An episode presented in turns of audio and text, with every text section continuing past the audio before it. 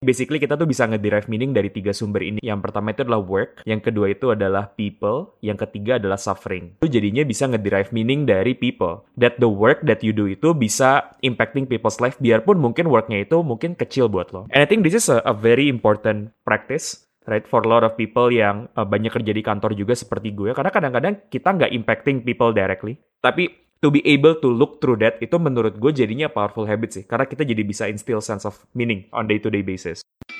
Welcome to Follow Your Flow podcast.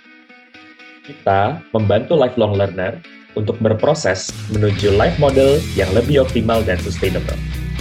Di sini, kita akan belajar dari banyak sumber, mulai dari lifelong learner yang kita interview, sampai insight yang gue dan Mbak Ika dapat dari buku, artikel, podcast, maupun hasil refleksi pribadi kami. Di akhir setiap episode, lo akan mendapatkan science-backed pragmatic step yang bisa membantu lo untuk mentransformasi hidup lo. Hope you enjoy this episode. Weh, halo Wes. Hai, Pik. Wah, uh, thank you banget sudah making time buat ngobrol sama gue di kesempatan kali ini. Oh, Dan dan dan happy birthday juga karena episode ini direkam di hari ulang Spesial. Oke. I feel so honored gitu kayak bisa uh, taking taking um you know some time in your birthday to discuss like a quite personal story gitu ya. Hmm. Jadi mungkin gue pengen memperkenalkan Westra dulu buat teman-teman yang mendengarkan. Jadi Westra ini lahir dan besar di Banten, di di mana di Rangkas ya. Ya dirangkas. Iya. Terus, Rangkas Bitung. Sebelum akhirnya kuliah di Unpad di Bandung. Nah, selama kuliah ini uh, Westra ini aktif ikut lomba. Salah satunya lomba debat di mana gue jadi kenal sama Westra. nah, saat ini Westra lagi membangun karir sebagai uh, konsultan di bidang HR dan obviously kalau di bidang ini gue sama Westra kalau ngobrol bisa berjam-jam. dan in fact sebelum kita rekaman ini juga kita lagi ngobrolin itu. Tapi for this episode kita tidak akan ngobrolin tentang dunia HR um, atau misalnya HR consulting. Kita hari ini bakal lebih banyak ngobrol tentang story yang lebih personal. Yaitu story yang sebenarnya Westra sempat share juga beberapa waktu yang lalu di social media tentang uh, physical transformation journey-nya. Jadi dulu tuh Westra kalau nggak salah bisa turun sekitar 30 kilogram, ya kan?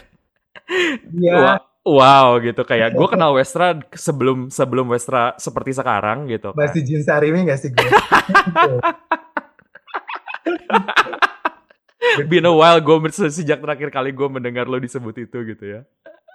gitu loh dan kayak dan maksudnya kayak on top of that gue ngeliat Westra juga maintain healthy lifestyle um, bisa tetap rajin workout padahal kayak punya kerjaan full time yang sibuk juga gitu so jadi hari ini kita akan lebih banyak ngebahas tentang uh, personal uh, and physical transformation journey-nya Westra gitu Oke. Nah, um, to begin with nih Wes, jadi semua hal yang tadi gue sebut kalau kan sebenarnya publicly available ya gitu. Orang mau tahu karir lo bisa lihat di LinkedIn, mau tahu story lo bisa tinggal lihat di social media lo gitu. Gue pengen denger dong a bit more tentang your childhood story gitu. Gue penasaran banget tentang childhood lo tuh seperti apa gitu sehingga lo bisa jadi lo yang sekarang. So, silahkan. Aduh kalau ngomongin childhood kayak jauh banget ya sih kayak lama banget gitu. Cuma mungkin kayak gue tuh kan kecil eh, dan besar lah ya. Maksudnya dari SD, Hmm. SMP eh, itu gue di Rangkas, eh, di Rangkas Bitung. Baru SMA gue pindah ke kota kabupaten sebelahnya di Pandeglang. Hmm. Baru nanti kuliah gue pindah ke, eh, ke Unpad ke Jatinangor gitu. Eh, gue sih kayaknya what I could share yang menurut gue ada linksnya eh, secara high level lah ya, eh, eh, yang shaped what I am today atau what I was eh, two to three years ago itu menurut gue kayak gue tuh dulu eh, kecil kan dibesarkan di small village community lah gitu. We are Hmm. very eh, apa namanya underdeveloped bahkan sampai sekarang. Jadi kalau lihat LPDP itu pasti kabupaten gue tuh adalah kabupaten termasuk uh, afirmasi gitu kan. Jadi gue juga berpikir apakah gue harus masuk jalur itu supaya lebih gampang. Tapi ya nggak harus dicontoh ya. Cuma itu salah satunya gitu kan. Uh, kedua, uh, karena we are coming from very limited uh, apa namanya and limited resources family. Hmm. Jadi tuh menurut gue, uh, gue lihat bahwasannya sacrifices itu nggak di nggak cuma dilakukan oleh kita sendiri as individuals, tapi juga oleh uh, orang-orang di sekeliling kita, termasuk Hmm. family, mom, bahkan sampai nenek dan lain-lain, for us to be where we are today. Gitu loh. So whatever I do today atau whatever I did back then, itu tuh gue selalu anchoring to that angle gitu. Jadi gue selalu Hmm. berpikir kayak I'm doing this not only for myself tapi juga for my family.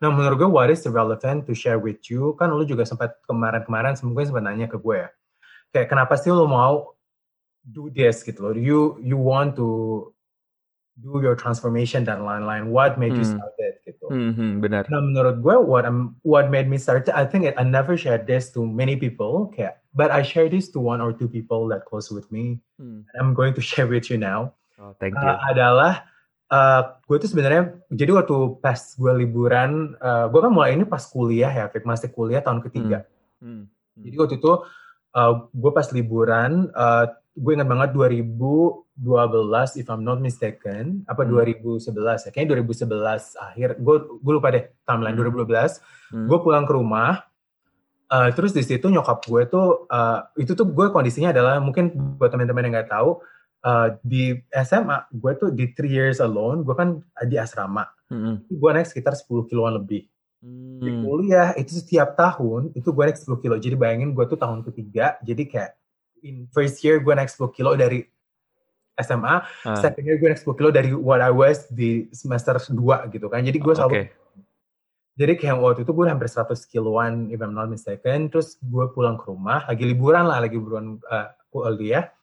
Terus my mom tuh bilang kayak kamu nggak mau nyoba diet gitu. Terus kayak terus gue bilang kayak ya ntar lah atau apalah. Selalu lah ya, biasanya kayak kalau kita we're fat people kayak kalau ditanya lo mau diet nggak?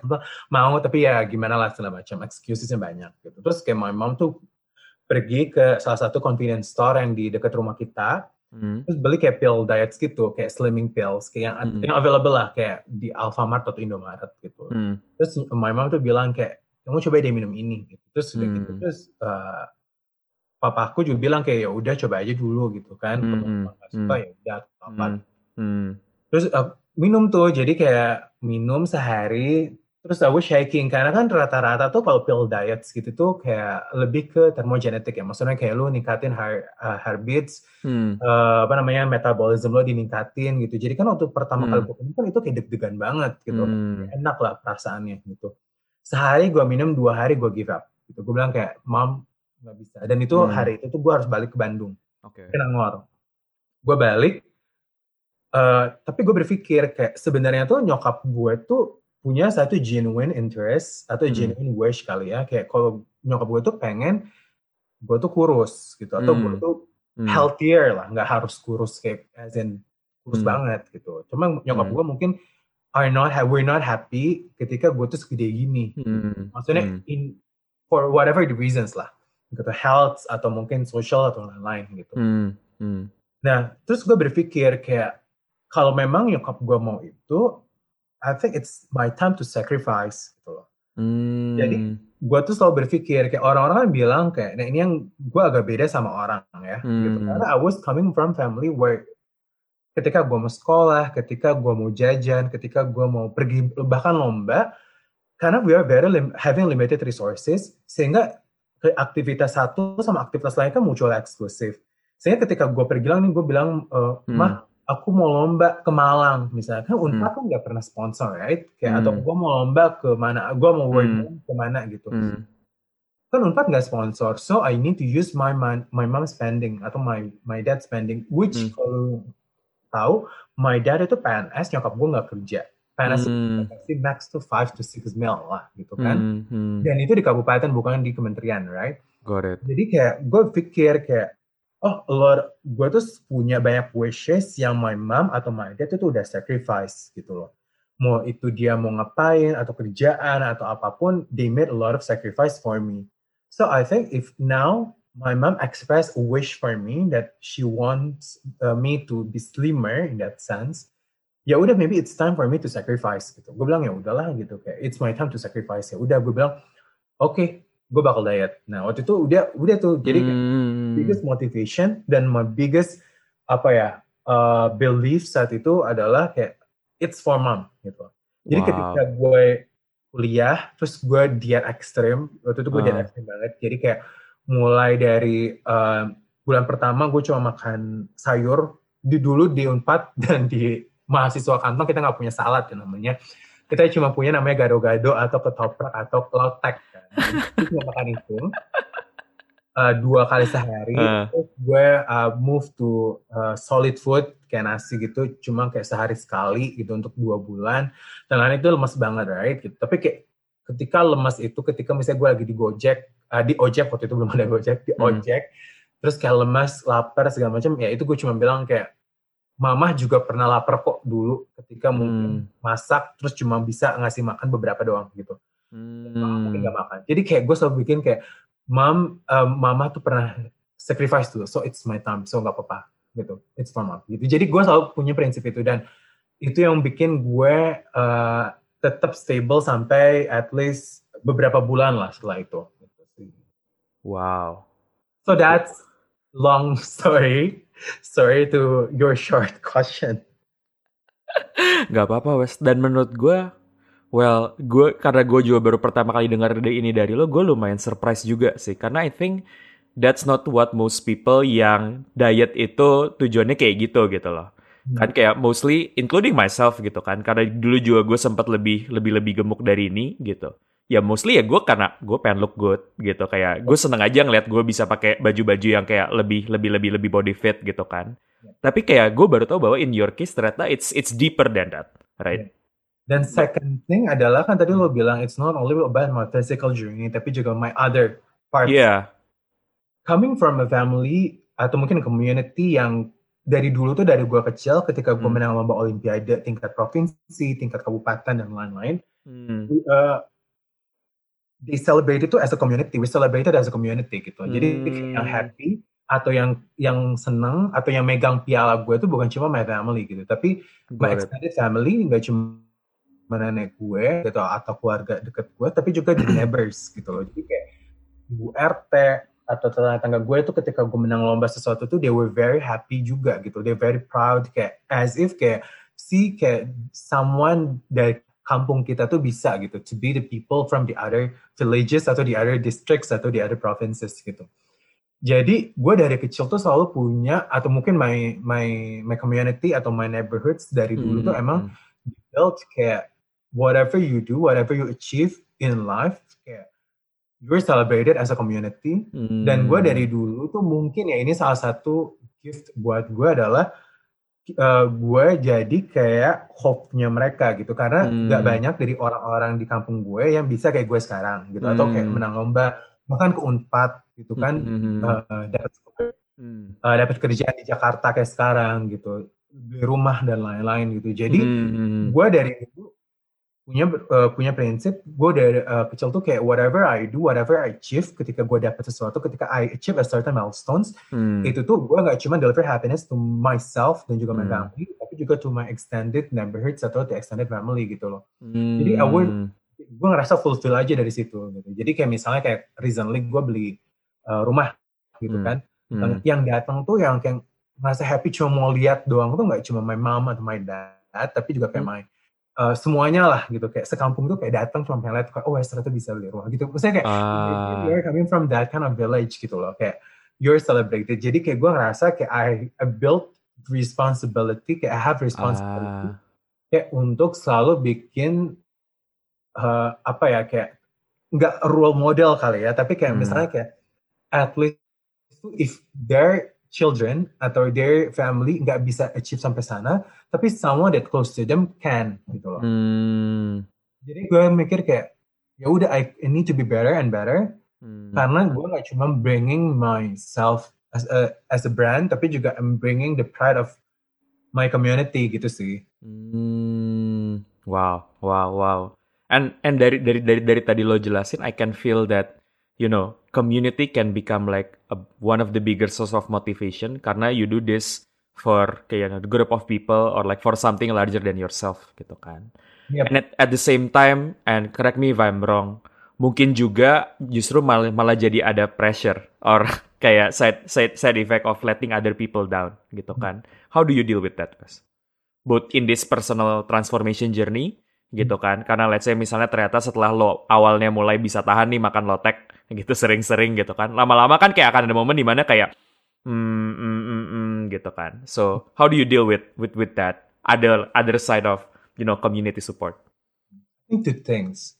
One mungkin yang perlu diput adalah kayak menurut gue, tapi mungkin beda sama orang lain. Gak apa-apa. Hmm, As, a personal uh, opinion. as much as they put the hope to me, Hmm.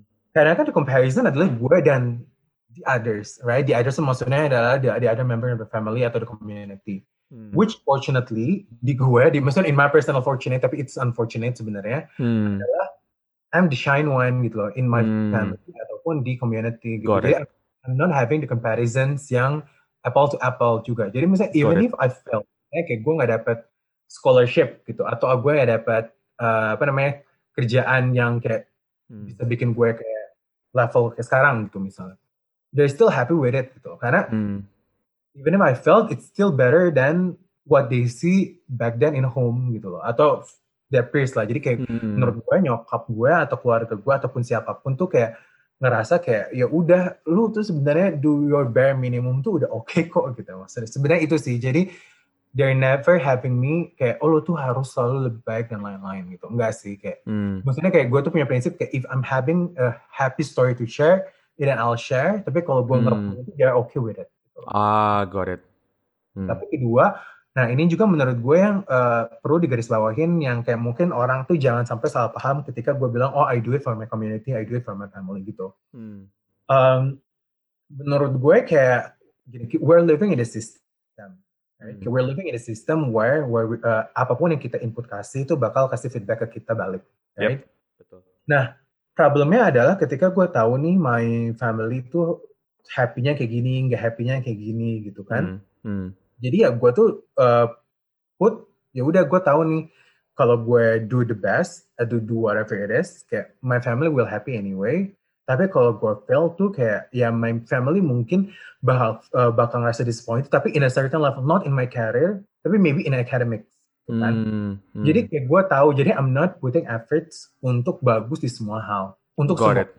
Got it. identify kayak what makes mom happy Hmm. or what makes mom if I'm doing a bare minimum I'm not happy gitu Got kan. it. Uh, I dan, see. dan segala macam. I think it's easier and it helped me a lot karena once I knew that kayak gue tahu nih nyokap gue nyokap gue sebenarnya nggak nggak terlalu berpikir lah bokap gue yang agak strict di masalah education Dari dulu. Kalau gue IPK 3,5 ke bawah itu fail gitu misalnya kan? ah, ah. dan eh, apa siapa lagi gitu dan Yeah. udah tahu kayak gitu gue tinggal narrow down kayak actors mana yang gue mau entertain Got Gitu. it. not all people that I need to entertain maybe kalau gue bisa share sekarang Yeah. itu what I need to entertain adalah expectation from my family close Yeah. one Yeah. expectation from my manager karena itu the Hmm. most important part right Yeah. Benar. jadi cuma doang gitu loh jadi kayak dan my manager uh, apa namanya expectation is very clear KPI Hmm. jadi kayak gue cuma fulfill uh, those expectation aja sih jadi kayak gue nggak gue udah nggak gue udah tutup telinga sama expectation atau pressure lah dari Hmm. orang lain kalau gue tuh harus lebih bagus dari mana enggak karena KPI jelas Hmm. kan dan itu bukan pressure karena itu ada sesuatu yang I, I also need to perform right kayak Hmm. mau ada pressure atau enggak KPI gue harus tetap fulfill Hmm. my dad ya karena menurut gue tadi gue bilang karena it's sacrifice dan, fam, dan menurut gue kayak do fulfill your family pressure atau family duties menurut gue worth it kalau di kasus gue ya It's worth it Hmm. lah untuk gue ngerasa I need to sacrifice some family, for my family gitu karena they have done so much thing for me in the past and I Got it.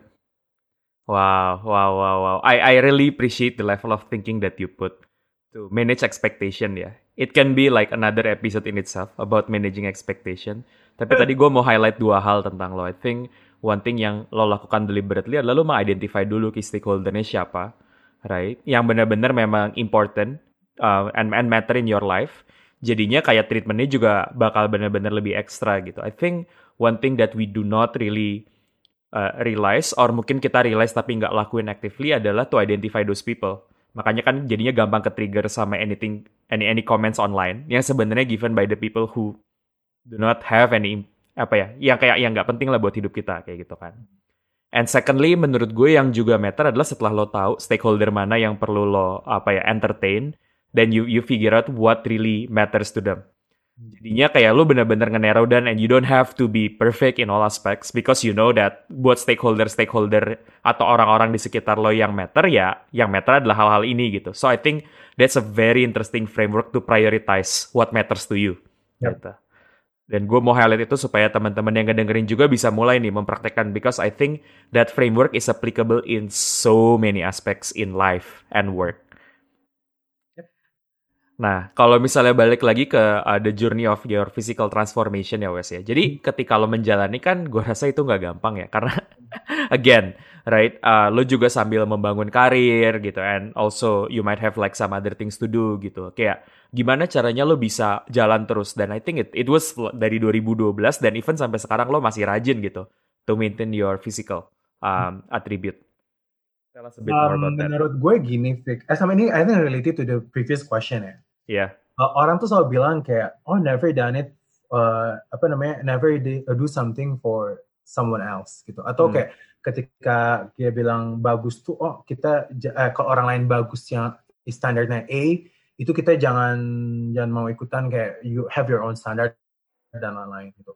Tapi gue bilang sih kayak uh, ini sih yang menurut gue kenapa I keep going, uh, I keep going uh, dari dulu sampai sekarang. Karena menurut gue, gue tuh ngerasa kayak satu sisi itu gue udah bisa dapetin benefits yang uh, gue lakuin. Jadi kayak misalnya nih ketika gue kurus uh, dari uh, apa dari awal kuliah sampai eh sorry dari akhir tahun kuliah sampai pas gue lulus kan gue kurus tuh yang 30 kilo tadi lo bilang. Hmm. Nah itu tuh gue dapet benefits banyak banget gitu. Gak cuma dapat dari kayak oh baju uh, lebih gampang dicari dan Hmm. Tapi dari physical juga gue ngerasa gue lebih agile, gue lebih flexible dan lain-lain lah ya. Kayak I couldn't, I shouldn't mention it karena udah banyak banget kalian tahu Iya. pasti benefitsnya apa. Hmm. Tapi dari segi yang penting juga dari segi how people see us kali ya. Kayak Hmm. gue ngerasa kayak unfortunately we're still in the, we're still living in a system di mana physical physical appearance does matter. Iya. Gitu kan. At least for Iya. the first impression gitu Iya, kan. Bener. Dan masih kayak punya prinsip apalagi sekarang itu adalah keadilan sosial untuk orang-orang good looking gitu kan. Bener. Jadi eh, menurut gue tuh kayak gue dapat ngerasa kayak oh orang tuh lebih respect ke gue ketika gue tuh better in the terms of physical gitu Iya. loh. Iya. Ketika gue kurus, terus gue kurus nih, terus gue nge-gym, terus orang tuh mulai compliment, eh, misalnya gue kayak agak tone. Terus gue skincare, gue bagusin, eh, Hmm. muka gitu. Dan sekarang tuh Hmm. people more respect to me. Bukan kayak, bukan, bukan maksudnya kayak, oh gara-gara gue cakep atau gue gara-gara gue kurus, orang jadi respect ya. Enggak, tapi maksudnya people pay attention to me and Hmm. want, uh, put attempt to respect me ketika gue punya at least modal untuk Hmm. respect secara physical gitu loh Hmm.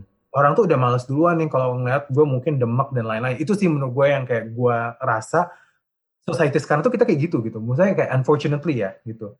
Sehingga gue ngerasa ya udah kayak I couldn't change it gitu loh. Tapi I feel happy atau I feel benefits atau I get the benefits ketika gue berubah itu.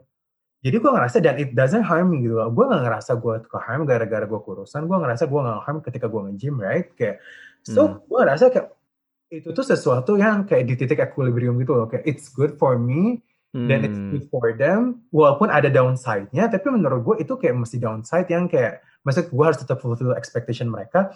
Tapi menurut gue kayak ya udah gitu, itu nggak apa-apa gitu loh maksud gue. Hmm. I keep doing that because ya itu setiap kali gue melakukan perubahan yang lebih baik lah ya buat, buat diri gue, people are more appreciative Hmm. di gue, terutama buat gue yang atau buat kita nih kayak yang uh, kita nggak punya modal dalam artian tenure gitu. Gue kan kerja di service industry, di consulting, right, as you mentioned Yeah. earlier. Nah, Yeah. people see me tuh as a young guy gitu loh, kayak you know nothing about industry, you know nothing about client dan lain-lain gitu kan. Yeah. Tapi kayak I feel people respect me, uh, my client respect me ketika gue tuh kelihatan rapih dan kayak sekarang gitu. loh. Hmm. Hmm. Di compliment kayak kamu bagus banget ininya gitu-gitu. Maksudnya jadi kayak Hmm. jadi ngerasa kayak oh mungkin di service industry terutama ya. Di Yeah. service industry looks to really matter gitu loh. Yeah. Maksudnya Yeah. bukan berarti kayak kalau lu looksnya bad lu bakal terlihat bad ya. Yeah. Tapi kayak menurut gue combining your intelligence uh, your intelligence uh, apa namanya sendiri physical attributes menurut gue powerful uh, capital for you in the service industry gitu loh. Makes sense. Jadi menurut gue kayak Hmm. building my intellectual capital itu bisa banget bareng sama building my physical appearance dan menurut gue itu bring me confidence Hmm. And I think those are the things yang brought me to where I am today gitu sih Gak, goret, goret, goret, goret. Kalau gue bisa tangkap beberapa key takeaway Wes dari yang tadi lo Hmm. bilang gitu kan. I think it started as like a sacrifice. Atau misalnya kayak lebih kayak, oke, I wanna do good for my mother. Dan juga for my community gitu kan. Terus akhirnya mulai bergeser bahwa as you enter the workforce, lo sadar bahwa, wait, ternyata ini me- men-serve juga nih goal gue untuk bisa thrive di workforce. Gitu kan.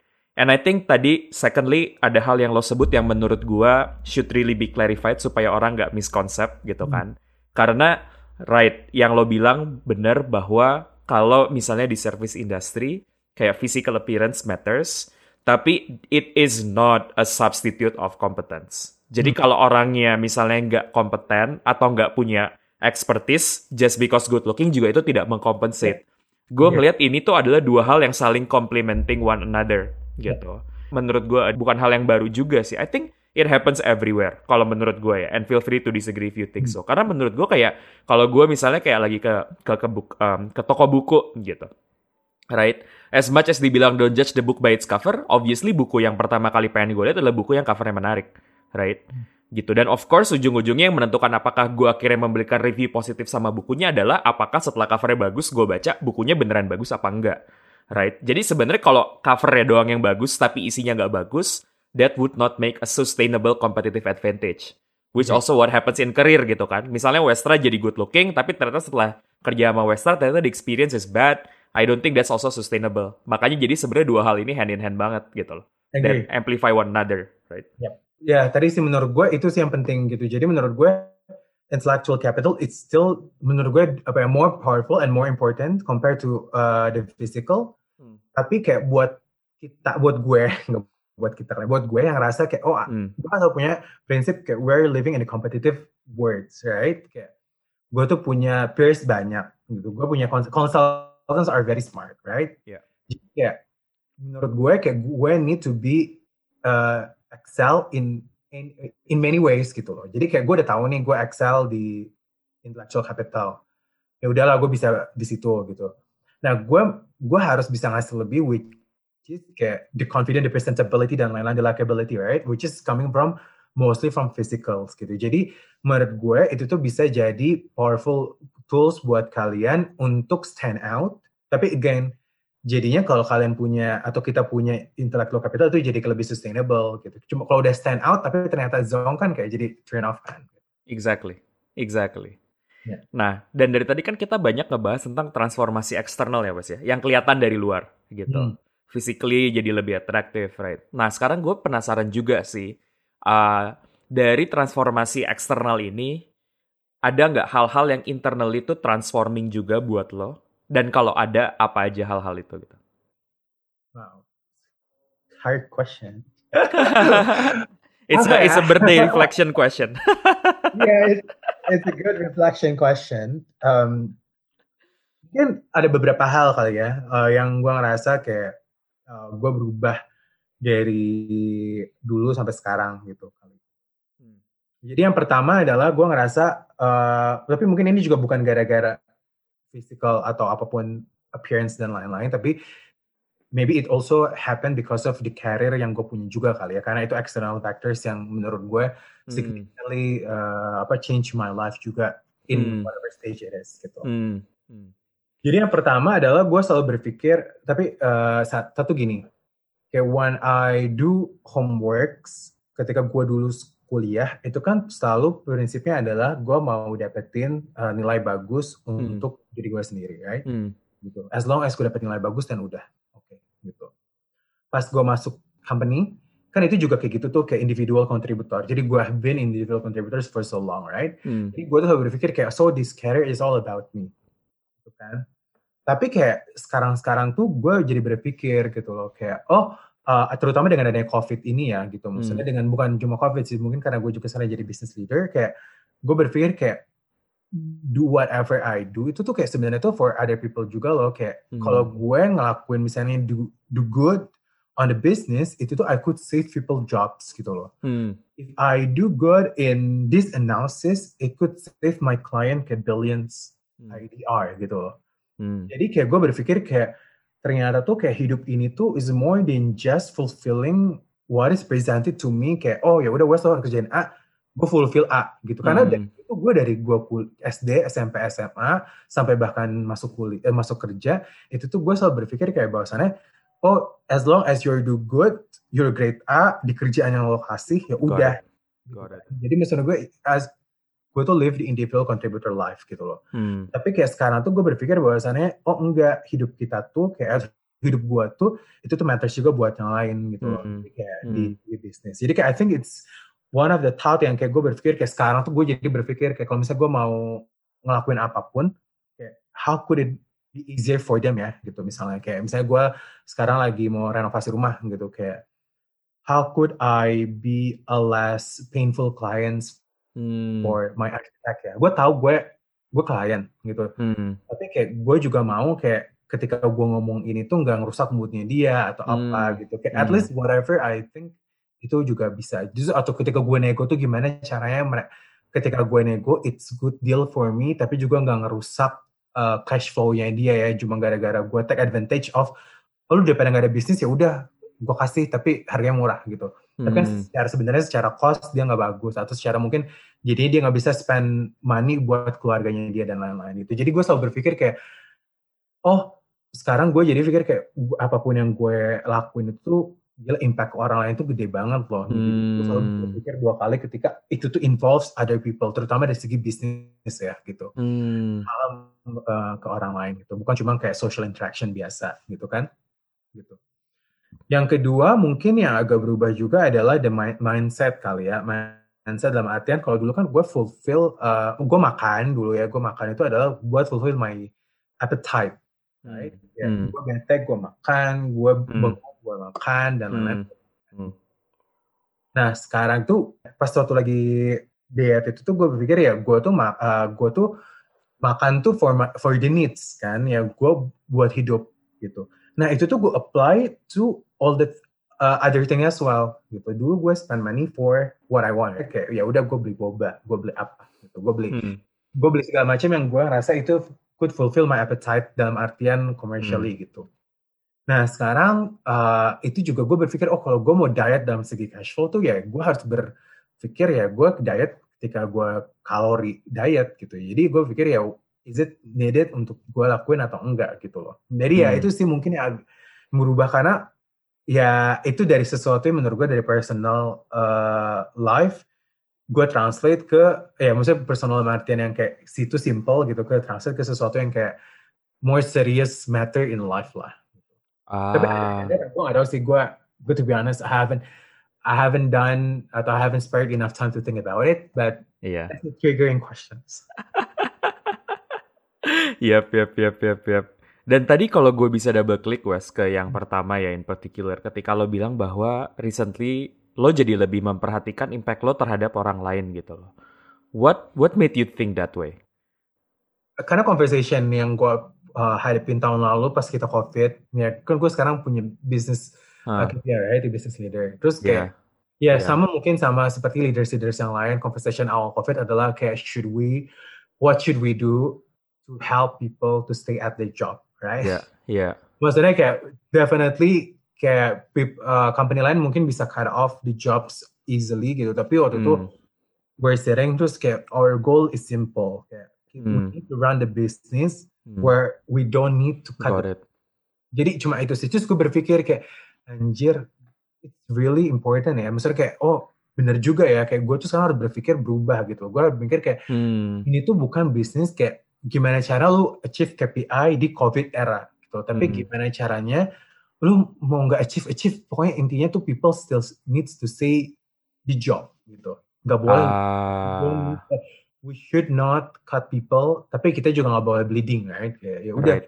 ya udah nih sekarang kita duduk berlima think about it gitu ya udah kita harus kayak gimana gitu jadi Hmm, itu sih yang gue yang gue mindset yang akhirnya gue berpikir kayak ya udah itu yang oh whatever we do tuh impact banget oh gue sekarang tuh gue punya anak bu bukan cuma anak punya anak buah tapi kayak walaupun gue individual kontributor gitu tapi ketika gue jualan dalam artian uh, bisnis BD gitu ya itu tuh impactnya tuh ke orang lain gitu oh ya itu tuh buat orang lain gitu gue gue gue misalnya gini gue achieve atau gue jualan 100 juta lagi aja misalnya gitu. Padahal Hmm. kecil banget kan, 100 juta itu kecil banget lah. One Hmm. product di Mercer kecil banget lah, gitu kecil Hmm. banget. Hmm. Itu tuh bisa save atau bisa jadi bayar orang, misalnya OB itu berapa tahun, berapa berapa Hmm. bulan gitu kan. Hmm. Hmm. Jadi we could save someone job Got it. for just by selling one product gitu. One Ah, single product gitu. Jadi kayak gue mikir kayak wow. see a simple thing could help a life of five people perhaps Hmm. uh, the OB dan the family right kayak Hmm. jadi gue pikir kayak dan itu sama halnya ketika gue nego apa pun gitu kayak gue nego yang lain gitu. Maksudnya kayak Hmm. eh kalau gue nego kayak gini tuh impactnya gimana buat orang lain? Gitu kayak is it really harmful atau enggak nih? Gitu atau apa pun jadi itu sih yang gue pikirin gitu. Kayak ya mungkin signifikan dari Hmm. interactionnya be- bakal beda ya satu sama yang lain. Mungkin nggak sebakal Hmm. signifikan itu. Cuma ya itu juga eh, menurut gue tapi mindset dan framework itu atau at least that question Wow. itu selalu jadi filter gue ketika eh, gue mau melakukan at least professional relationship sama orang Wow. lain eh, nggak cuma di kerjaan gitu. Got it, got it. Gue tadi observe berarti dari penjelasan lo itu adalah adanya that transition dari cara pikir gitu ya. Dari yang awalnya kayak it's about me, it's ya because ya kita dulu juga individual contributor gitu kan. Into like more thinking that okay, how does my work kayak impact someone? Biarpun misalnya sekecil itu, apalagi COVID ya. Right. Um, dan menurut gue, I think I think it's, it's a very healthy practice in my opinion karena itu sejalan juga dari um, gue gue belajar juga dari Viktor Viktor Frankl. Dia nulis Mhm. buku tentang Man's Search for Meaning gitu kan. Terus dia Oh. bilang kayak ada beberapa source of meaning. I think three, three, three sources of meaning. Yang pertama itu adalah work. Yang kedua itu adalah people. Yang ketiga adalah suffering. Jadi basically kita tuh bisa ngederive meaning dari tiga sumber ini gitu loh. Wow gitu. Jadi kayak makanya kenapa in in his case dia tuh bisa bertahan di Auschwitz concentration camp karena dia menganggap suffering dia sebagai source of meaning. Because he will be able to contribute to something bigger one day dengan dia mengandurgo uh, suffering ini gitu. Tapi in your case tadi gue jadi nangkapnya bahwa lu jadinya bisa ngederive meaning dari people. That the work that you do itu bisa impacting people's life biarpun mungkin worknya itu mungkin kecil buat lo. And I think this is a, a very important practice, right, for a lot of people yang uh, banyak kerja di kantor juga seperti gue. Karena kadang-kadang kita nggak impacting people directly, right? Karena kan sebenarnya, honestly, lo kan nggak impacting OB directly kan. Lo kan impacting the sales and the sales and the profit yang di-generate, impacting kayak the ability of the company untuk bayar OB-nya, Hmm. right? Tapi to be able to look through that, itu menurut gue jadinya powerful habit sih. Karena kita jadi bisa instill sense of meaning Yeah. on on day-to-day basis. Mungkin one example ya yang mungkin bisa lebih relatable buat more people adalah kayak misalnya nih gue sekarang uh, gue punya option untuk should I spend 15 minutes untuk brief my people atau my team sebelum mereka mulai projectnya Hmm. atau ya udah nunggu nanti aja tapi gue Hmm. evaluate di akhir uh, Hmm. jam kerja gitu. Hmm. It could save people time to spend with their kids after Hmm. working hours. Ketika Hmm. gue spend 15 minutes Yeah. untuk brief dulu kayak what I expect from them Hmm. Dibanding gue evaluate terus gue kayak tolong dong uh, ganti gitu terus mereka harus lembur walaupun di rumah ya tapi kayak mereka harus lembur so they can't spend time with their kids at Hmm. home after Yeah. office hour Yeah. menurut gue that mindset is is important gitu maksudnya kayak ini Hmm. nggak nggak harus ngomongin apakah ini kita mau bayar orang atau enggak tapi kayak could we make someone yang harusnya spend Hmm. more time with their family to really exercise that right gitu loh atau kita mau jadi orang yang ya ngebatasin hak itu gitu Got ya it. mereka punya kewajiban buat fulfill the jobs tapi if we Got it. could help them to achieve the job faster and they could exercise that right menurut gue it is really important gitu loh dan menurut gue ini Ah, all the managers should think about gitu loh. Gue ngerti kayak people are expected untuk uh, apa namanya kerja lembur. ah. Tapi maksud gue kayak sekarang kita udah redefine lah. Kita nanti punya session sendiri ngomong productivity. Ah. Maksud gue tapi if you can help someone untuk being productive Iya. at 5 p.m. atau 6 p.m.